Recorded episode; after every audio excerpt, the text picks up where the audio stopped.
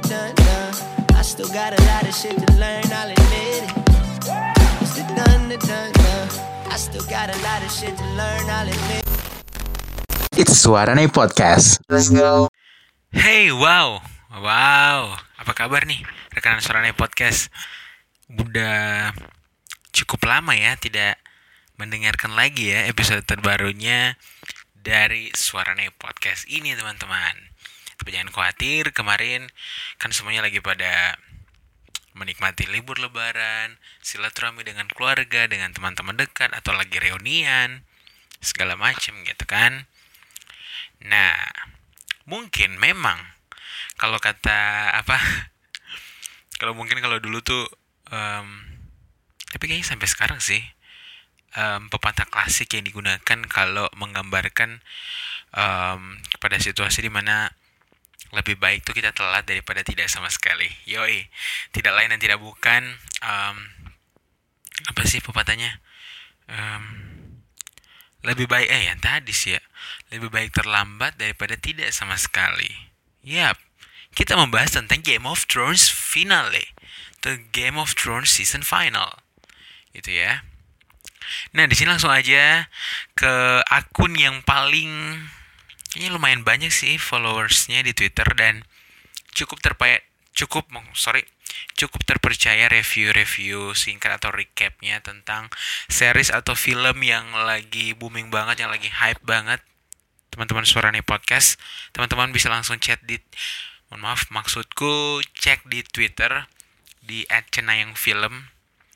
Ini yang salah satu gue follow di Twitter karena reviewnya itu jujur kayak terkadang absurd tapi em, ringkas dan apa agak frontal dikit. Iya seru banget ya pokoknya dan menurut gue pas gitu nggak nggak berlebihan dan juga nggak terlalu pelit gitu ya dalam review em, series atau film gitu. Nah dan untuk kali ini ini kayak sebuah thread gitu ya kali ya gue nggak tahu ini benar atau enggak tapi semacam thread gitu menurutku ini. Di mana di postingan ini? Dia bilang Game of Thrones finale. Hashtagnya itu terus abis. Dia pakai kata abis terus di dibarengi dengan titik titik titik kayak gitu tuh. Abis titik titik titik terus di situ dia bilang hmm, langsung aja langsung ke apa ke tweet dia yang berikutnya di bawah tuh semacam thread gitu ya udah ndak usah petisi-petisian. Yang penting kelar juga nih cerita. By the way kepikiran kalau GOT GOT itu cerita seputar keluarga Stark sedangkan Star Wars cerita seputar Skywalker. Hmm menarik ya. Terus dia pakai fotonya si Arya Stark kalau nggak salah nih si Macy Williams ya teman-teman. By the way ngomongin soal soal Macy Williams kayaknya Fox ini nih kayak si Sansa ya? Si siapa namanya? Sophie Turner. Dia kan itu ya apa namanya? Em, jadi Jean Grey ya atau Dark Phoenix gitu ya. Di X-Men produksinya 20th Century Fox gitu ya. Nah, sedangkan si Macy Williams ini setauku juga nanti main di New Mutants. Produksinya um, 20th Century Fox juga. Film yang kesel banget gue diundur-undur teman-teman. Oke lanjut. Terus di sini ada di bawahnya lagi nyambung ke hmm, ke thread atau tweet yang sebelumnya. Dia bilang season 2 ep, season 2 episode Valar Morghulis Daenerys Vision mohon maaf ya kalau gue salah ngomong ya misspelling gitu mohon maaf teman-teman soalnya nggak ngikutin ini cuman sekedar membantu menyuarakan atau menggabungkan berbagai macam asumsi atau pendapat atau review singkat yang jujur dari teman-temanku atau dari beberapa situs review atau akun-akun review terpercaya menurutku ya teman-teman soal Game of Thrones season final ini. Terus di sini ada kayak semacam videonya si siapa? Mother of Dragon ya. Si Emilia Clarke gitu ya satu menit kalau nggak salah teman-teman. Terus di bawahnya lagi langsung lanjut. Em, terima kasih untuk 8 seasonnya series yang bikin ngapalin banyak nama series yang bikin gak berani ngidolain satu karakter, series yang bikin ketar-ketir di tiap episode, terutama di tiga terakhir tiap ep, tiap season, series yang bikin kesel tapi juga senang. Terima kasih untuk 8 seasonnya. Wow.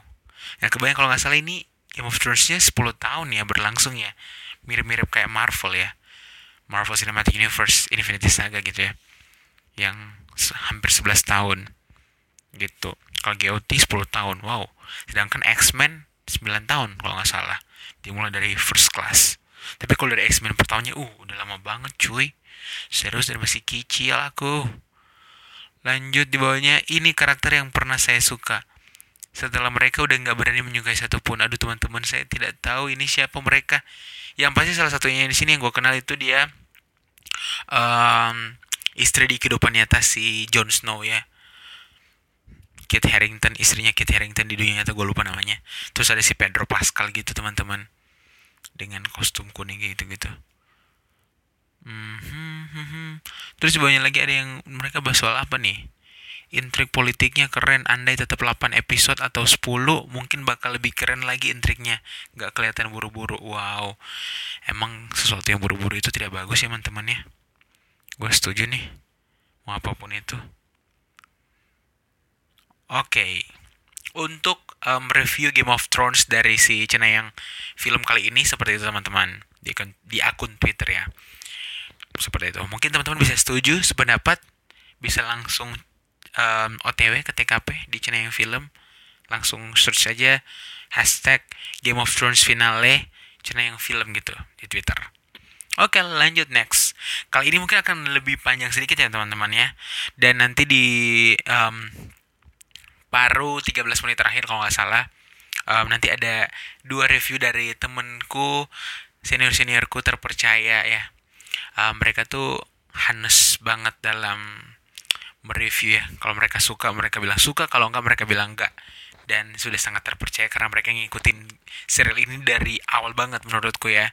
Sudah tidak diragukan lagi. Makanya gue em, bersyukur banget kenal mereka dan mereka bersedia dengan sukarela uh, meluangkan waktunya untuk membantuku memberikan review jujurnya mereka um, terkait atau soal Game of Thrones season final ini ya teman-teman ya.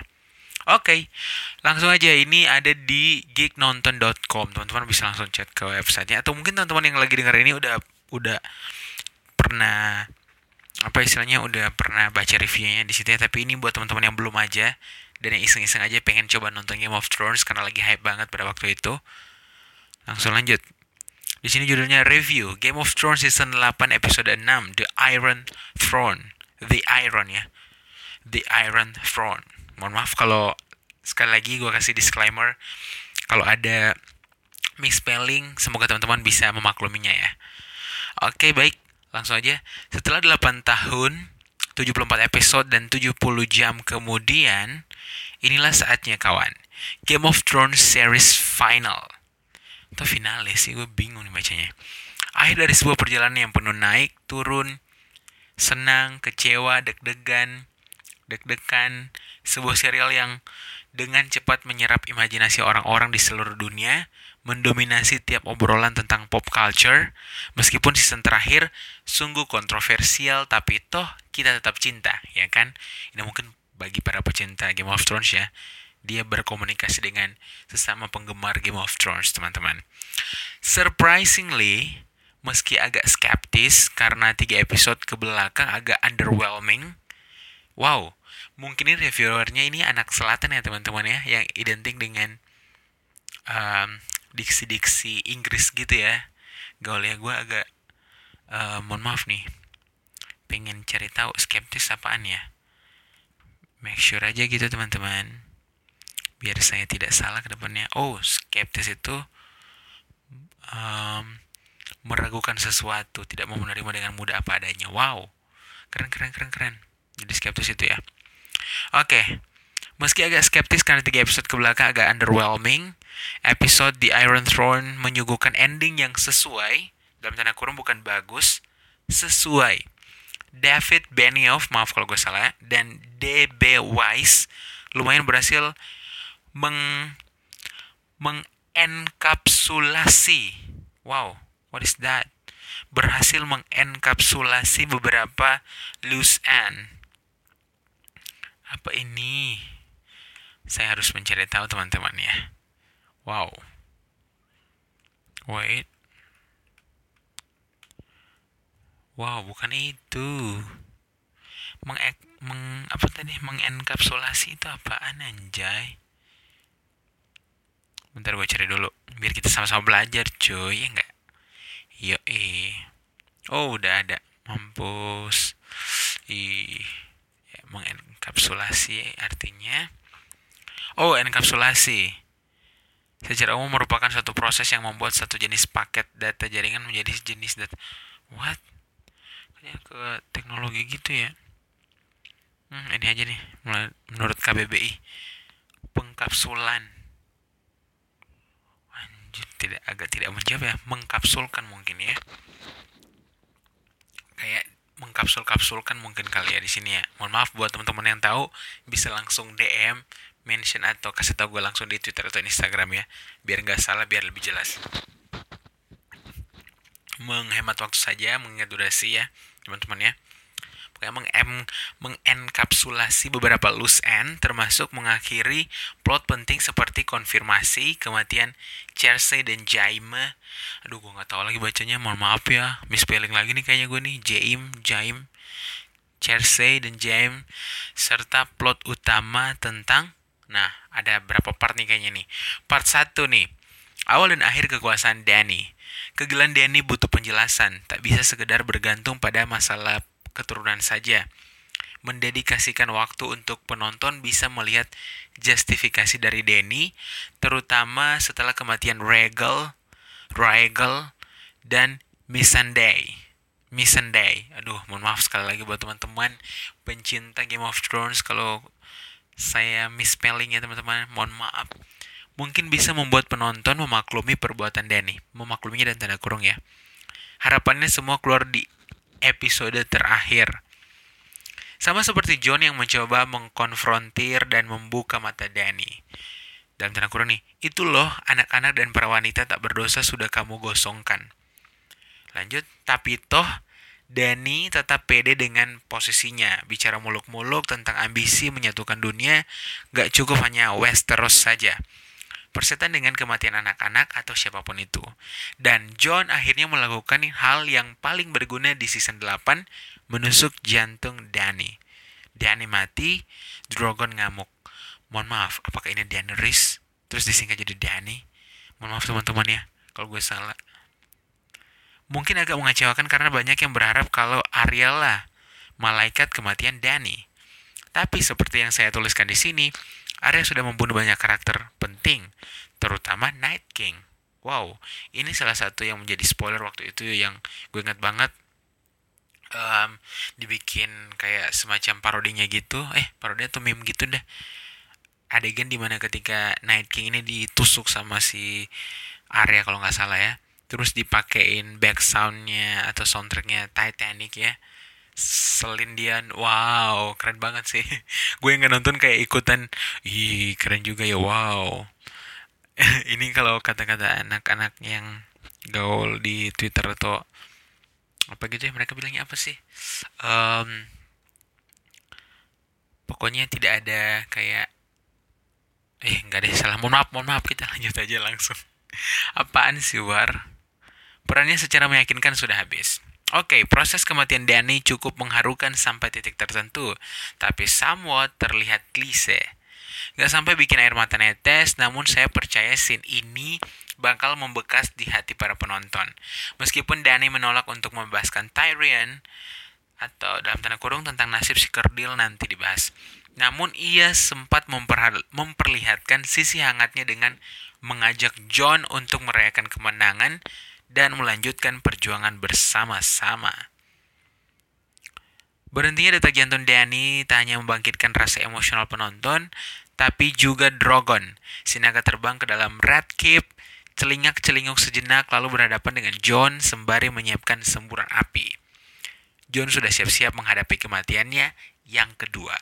Yakin deh, scene di atas cukup horor karena Masuk akal kalau Jon mati di tangan dalam tanda kurung cakar Drogon. Ternyata Drogon lebih memilih menghanguskan Iron Throne seakan ia tahu kalau tahta itulah penyebab kematian sang ibu. Drogon pergi sambil membawa mayat Dany ke entah ke mana. Oke lanjut. Random Thought. Sempat terpikir skenario lain. Jon disembur api, Jon selamat secara epic, his Targaryen though. Drogon balik tunduk sama Jon. Jon menunggangi Drogon dan mengklaim Iron Throne. anyway, the game is over for Danny. Lanjut di sini di bold gitu ya teman-teman tulisannya. Tyrion temui ajal. Oh my god. Nggak kok Tyrion nggak mati. Oke, okay, baik. Agak mundur ke awal episode. Tyrion secara sah dan meyakinkan membantu penonton mengkonfirmasi nasib Cersei dan Jaime. Yap, dengan ditemukannya jasad pasangan incest itu. Oh, what the f... Mohon maaf nih buat teman-teman. Restrict, restricted. Gitu kali ya. Mohon maaf ini agak eksplisit ya. Explicit content, mohon maaf.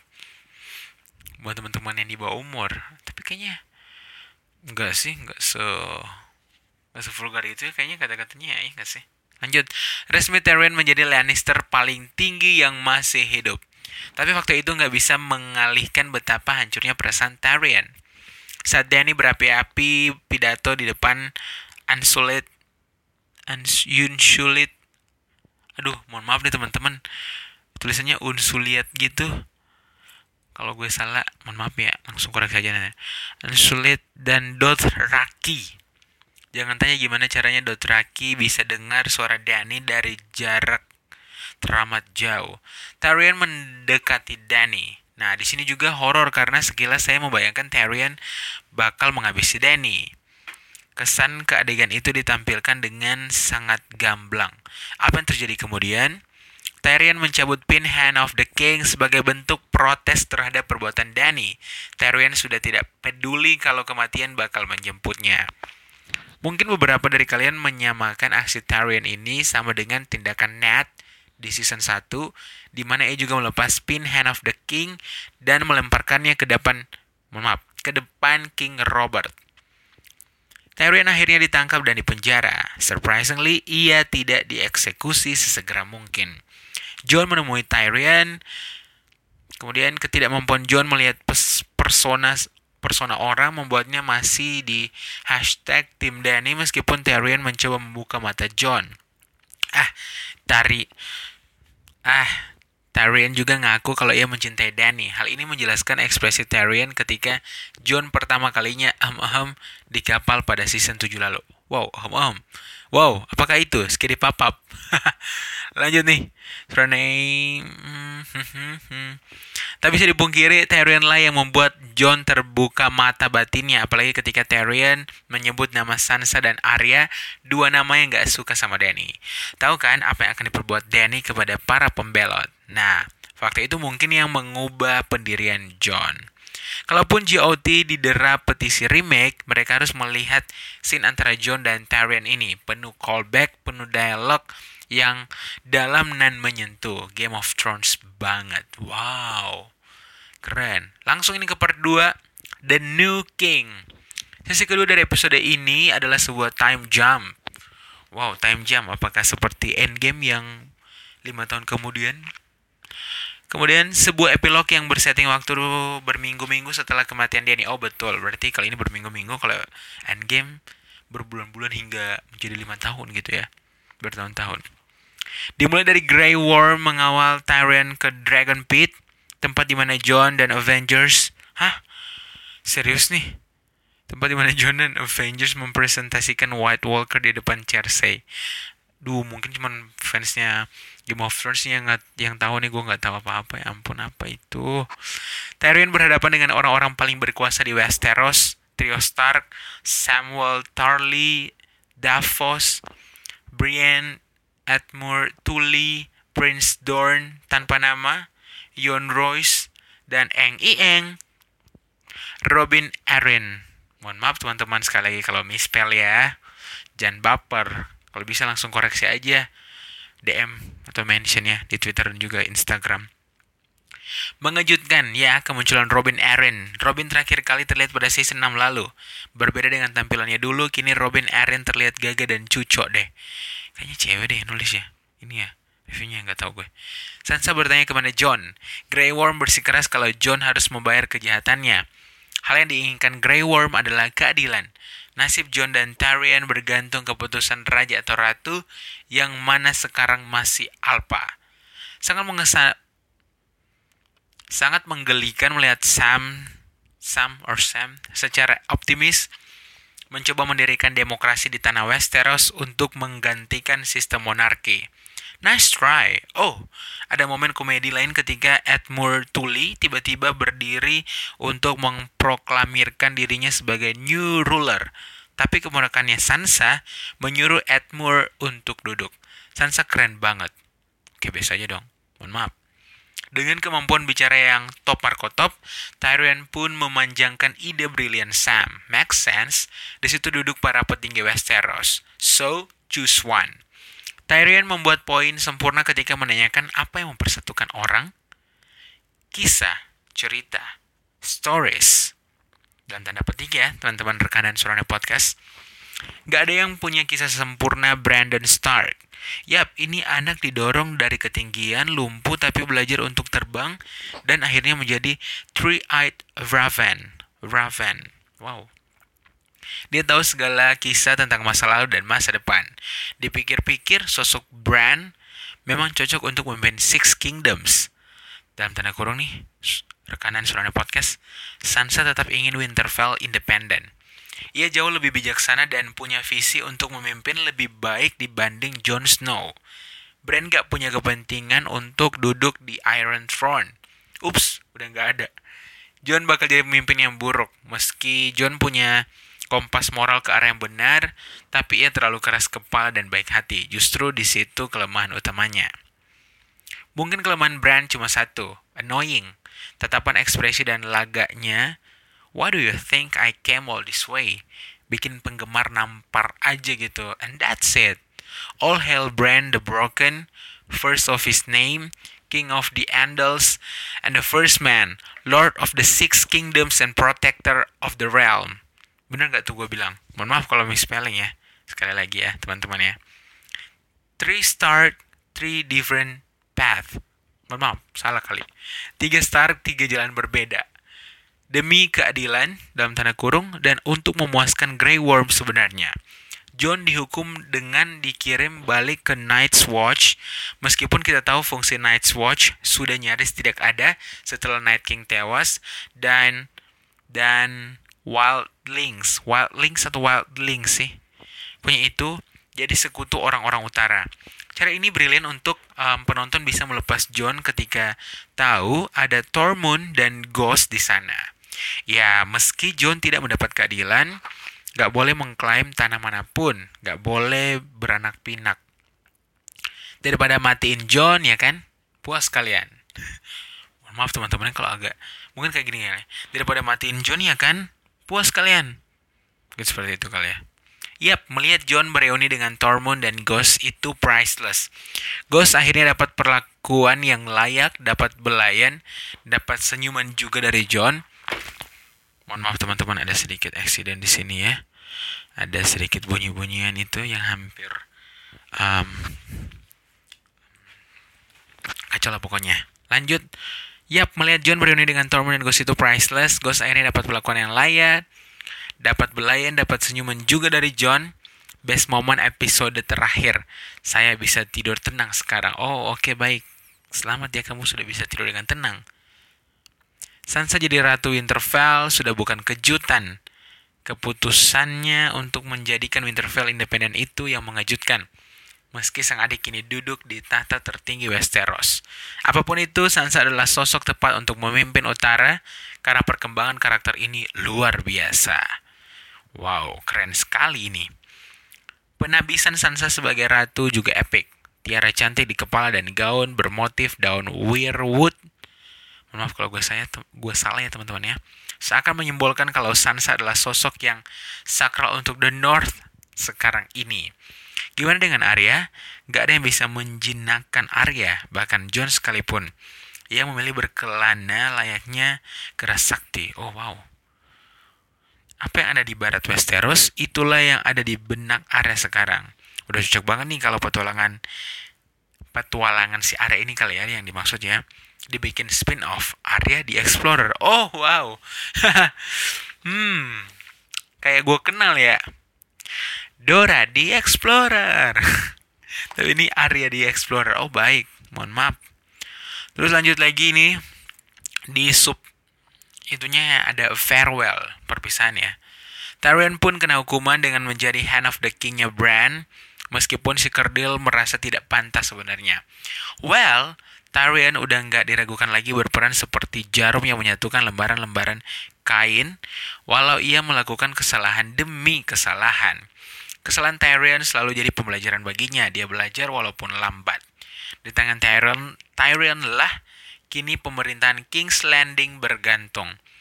Dimulai dari terbentuknya dewan baru, Sam jadi Grand Master, Bron, yeah, he's back. Sebagai Master of Coin, Brienne pemimpin Kingsguard, dan Sir, Sir atau Sir Davos sebagai Master of Ships. Podrick juga ternyata mendapat gelar Sir. Sir kali ini, Sir. Keren. Aksi Grandmaster Samuel mempersembahkan Wikipedia tentang oh, The Great War and the Last War ke Tyrant itu menggelikan. Nama buku besar itu A Song of Fire and Ice, tapi bukan Sam kok yang nulis. Sempat ada teori yang mengatakan kalau Samuel itu representasi dari George R. R. Martin, bahwa dia nantinya yang akan menulis kisah legendaris Es dan Api itu. Di tangan orang-orang baik itu sepertinya nasib King's Landing bakal lebih cerah. Conclusion. Ending GOT jauh lebih happy daripada yang diperkirakan. Kenapa preview ini bilang seperti itu ya teman-teman ya? Tidak seperti beberapa teman-temanku. Tapi coba kita lanjut baca ya. Bahkan mungkin terlalu smooth. Terasa sekali kalau season ini dipaksakan dalam kemasan 6 episode, which is nggak cukup untuk memberi penutup yang layak. Wow, ini sama nanti seperti dua review jujur dari teman-temanku, kakak-kakak seniorku yang nanti akan ada di per waktu 13 menit terakhir nanti ya. Mereka seperti apa nih kalau season ini terlalu dipaksakan? Kayaknya beberapa temanku yang nonton sependapat sih. Semua hampir semua hampir semua maksud gue gue tanyakan pasti pada bilang kayak terlalu dipaksain gitu. Lanjut, semua serba terburu-buru khususnya story arc Danny jadi Mad Queen. Fix ini Daenerys ya, Danny, disingkat Danny. Masih ada beberapa kisah yang well tidak diakhiri secara jelas. Hi Daria. For your information, gosipnya HBO sempat menawarkan kepada D&D tambahan budget untuk memperpanjang jumlah episode Game of Thrones. Nampaknya D&D enggan terima karena sudah pengen fokus ke proyek Star Wars. Ya sudahlah. Oh begitu, pantas ya. Hmm, gue juga mendengar kok ini soal budget tambahan ya di apa di reviewnya nanti sih habis ini ntar yang gue bilang tadi di review sama teman-temanku kakak-kakakku yang ngikutin banget nih Game of Thrones. Tapi ternyata mereka pengen fokus ke proyek Star Wars ya. Tapi kita beruntung hidup di masa ini. Masa ketika Game of Thrones sedang berjaya. Kita jadi saksi untuk salah satu serial terbaik sepanjang masa, gak peduli cacat atau buruknya dua musim ke belakang.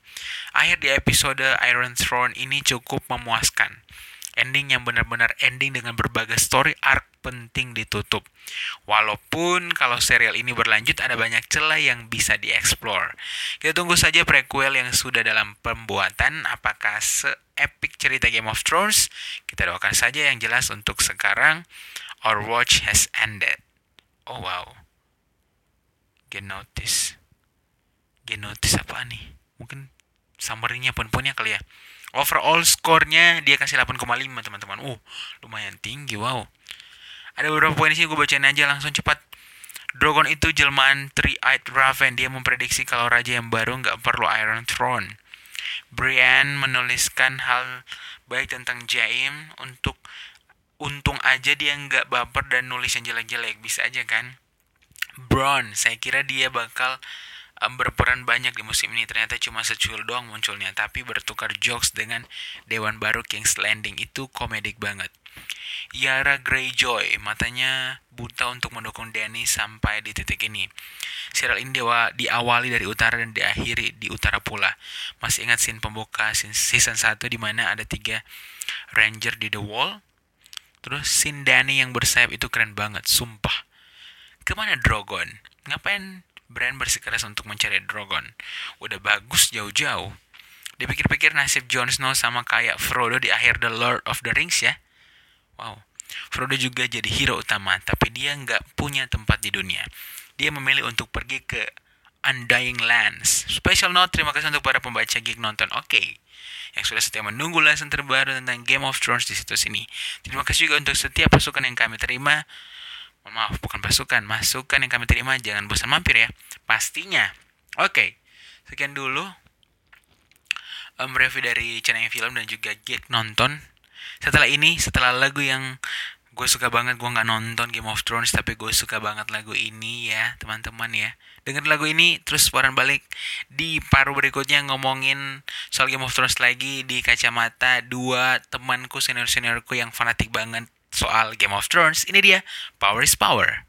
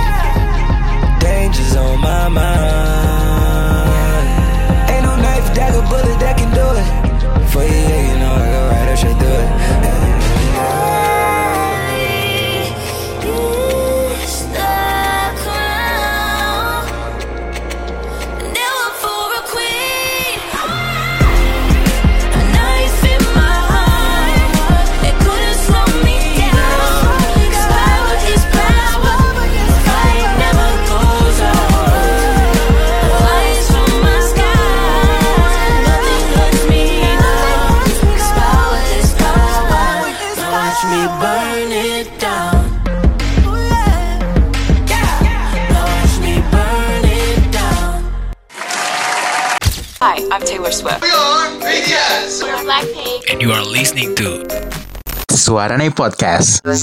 Selanjutnya datang dari em, salah satu seniorku waktu SMA dan dia ini setahuku em, seorang dokter muda yang merupakan seorang penggemar berat atau yang ngikutin banget serial Game of Thrones ini. Dan baik, gue ada meminta sedikit review dia atau pendapat dia tentang Game of Thrones ini di seri terakhirnya. Em, di musim terakhirnya di season 8 ini khususnya episode terakhir yang kalau kita lihat ya beberapa waktu lalu kayaknya lumayan banyak yang kurang suka atau em, kurang puas begitu dengan eh, episode terakhir di musim terakhirnya juga ini nih serial Game of Thrones. Yang kurang lebih kalau nggak salah 10 tahun juga deh. Hampir sama kayak Marvel gitu. Nah di sini kata si kak kita sih waktu SMA manggilnya Kapang buat orang-orang yang akrab ya lagi mi cukup akrab gitu ya teman-teman. Kata Kak Apang nih gini nih. Menurutku season 8 ini nggak cukup cuma dengan 6 episode. Plotnya terlalu terburu-buru, eksekusinya tampak dipaksakan. Kayak terlalu maksa lah ya berarti ya teman-teman ya. Beberapa karakter, oh mohon maaf, beberapa karakter development mereka hancurin, padahal udah dibangun sebagus-bagusnya di 5 season pertama, di 5 season awal. Oh, wow. Hmm, mohon maaf, di bawahnya dia koreksi lagi kayaknya nih. 6 season pertama. Mulai season 7 karena udah nggak ada referensi buku, akhirnya udah amburadul plotnya. Begitu kata si Kapang ini sih begitu. Akhirnya katanya semenjak season 7 udah nggak ada referensi buku lagi, akhirnya udah amburadul kadang apa? Udah udah udah. Mohon maaf. Em, tadi gue mau pakai diksi yang lain ya, tapi karena gue lupa amburadul ya. Eh ini kan amburadul. Kadang kidul atau apa sih?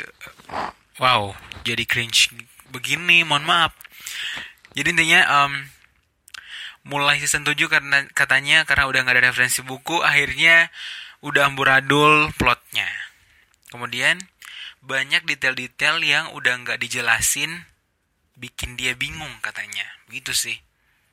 Terus kon- konklusinya di terakhir memang udah paling bagus katanya itu.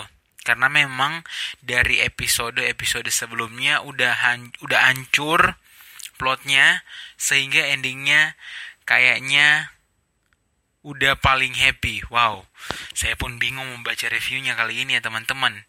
Mungkin emang karena gua nggak nonton ya, nggak ngikutin. Mungkin buat teman-teman yang lagi dengerin dan pengikut setianya atau yang nonton banget atau yang mungkin baru nonton di beberapa episode tapi udah tahu banget, udah paham banget, mungkin bisa relate bisa bisa related mohon maaf bisa related atau bisa sepaham dengan review singkatnya dari kak Apang ini gitu teman-teman terus gak cuma itu ada em, orang lain juga yang gue tanyain teman-teman. Orang lain orang lain buat kalian sih pendengar. Hmm, dia ini adalah salah satu Hyung Debak. Debak yoi.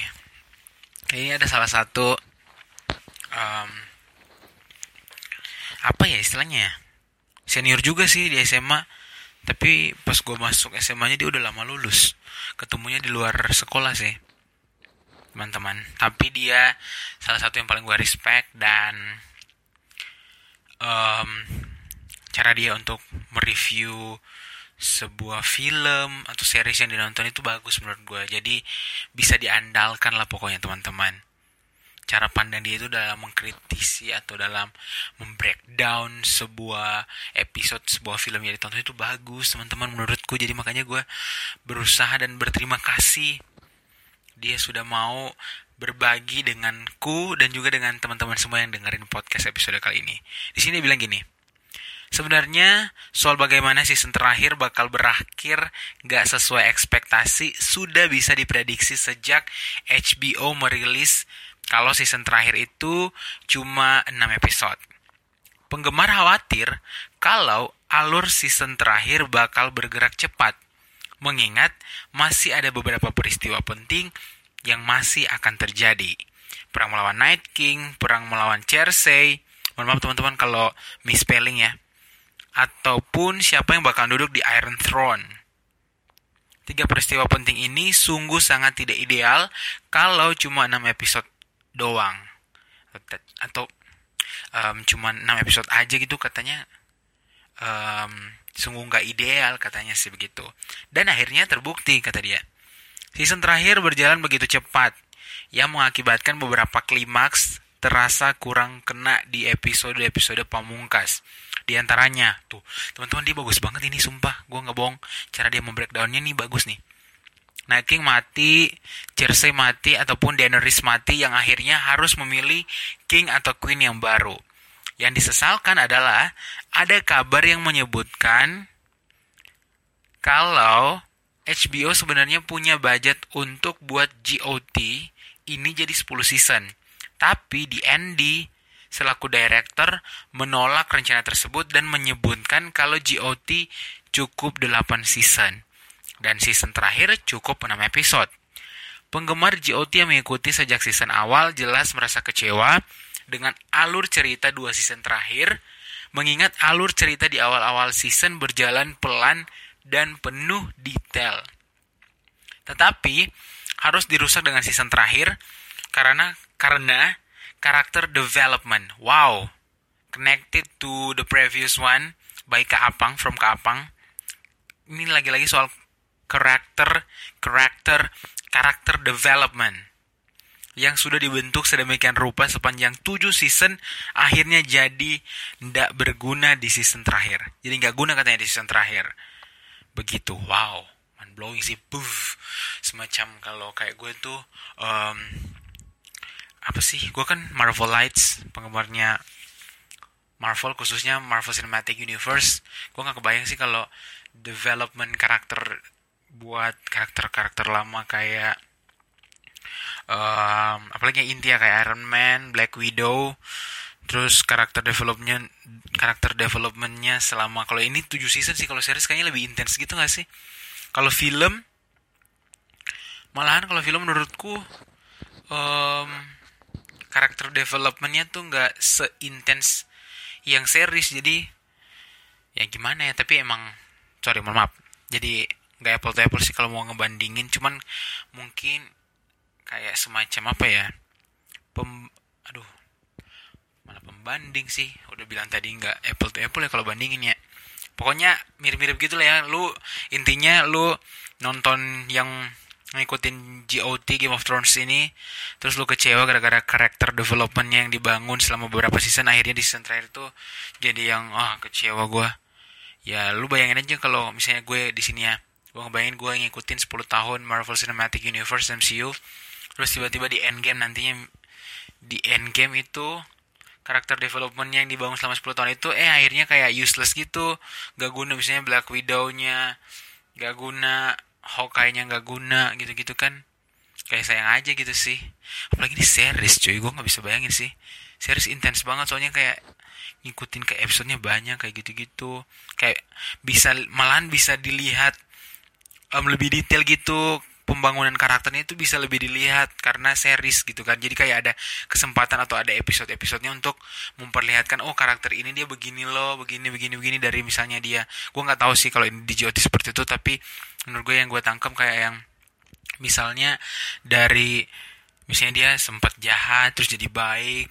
Mungkin nggak nggak sesimpel itu sih tapi mungkin kalau bisa dikasih contoh kayak gitulah ya pembangunan kar karakter developmentnya mungkin gitu ya. Dari yang misalnya mungkin dia masih bocah terus kan ini 10 tahun jadi kayak 10 tahun kemudian dia udah lebih dewasa karakternya seperti apa. Mungkin begitu dan banyak fans tuh kecewa dengan karakter development ini yang uh, kurang kayak udah di kayak dibilang tadi udah dibentuk sedemikian rupa eh akhirnya jadi nggak guna di season terakhir yang cuma 6 episode. Udah gitu aja. Sama soalnya gue baca kan gue lihat di Rotten Tomatoes di IG story-nya, eh, IG story mohon maaf, di IG feeds-nya, di postingannya kan dikasih lihat itu dari episode pertama GOT ini 92% Rotten Tomatoes-nya terus malah sampai di akhir-akhir di episode ke-6 eh di iya benar di episode 6 malah turun jadi 48 kalau nggak salah atau 50 berapa gitu atau 52 pokoknya sekitaran situ rendah banget teman-teman.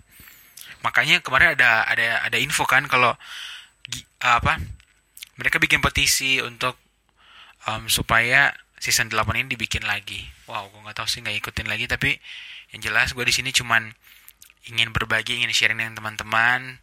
Semoga dari yang direview sama teman-teman tadi, dari Kak Apong dan juga Kak Tian, bisa relate mungkin sama teman-teman yang masih kesel dengan endingnya seperti itu. Dan ya,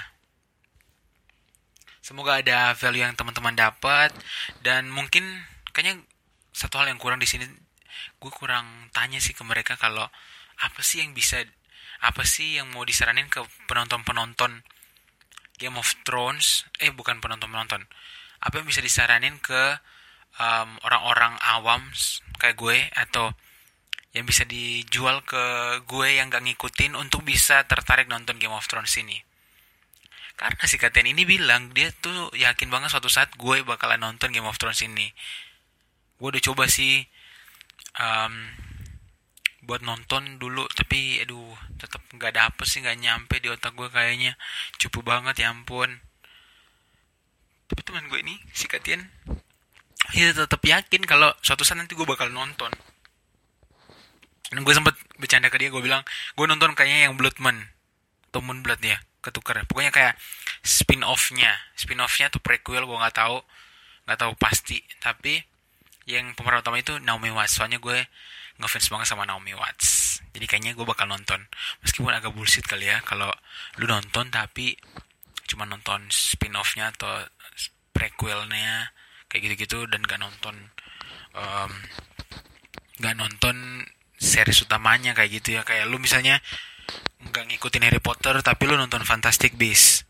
Atau lu nggak ngikutin Transformers tapi lu nonton Bumblebee yang sendiri kayak gitu kali ya. Agak agak lucu juga lah ya. Tapi biarlah waktu yang menjawab mungkin nanti gue bisa nonton. Kan buat teman-teman yang di sini yang ngikutin mungkin bisa sependapat sama mereka atau kalau enggak bisa langsung voice message ke gue atau bisa DM bisa mention. Nanti kita bertukar pikiran di situ. Atau misalnya oh war gue nggak setuju nih sama pendapat mereka karena bla bla bla bla bla. Menurut gue tuh begini begini begini. Gitu. Oke? Em, itu dulu. Sampai ketemu di podcast-podcast di episode-episode berikutnya karena nanti akan ada episode gue bahas soal reaksi teman-temanku yang nonton Aladdin. Nanti itu akan masuk di podcast yang di situ gue nanti seolah-olah menjadi apa? seorang wadia bala atau penyiar Prambors. Gue seneng banget pokoknya. Di situ nanti ada diselipin musik-musik atau lagu-lagu keren deh pokoknya buat didengerin sama teman-teman semua. Terima kasih. Terima kasih telah mendengarkan Suaranya Podcast episode kali ini. Jangan lupa di follow biar kamu gak ketinggalan update untuk podcast-podcast berikutnya. See you next episode.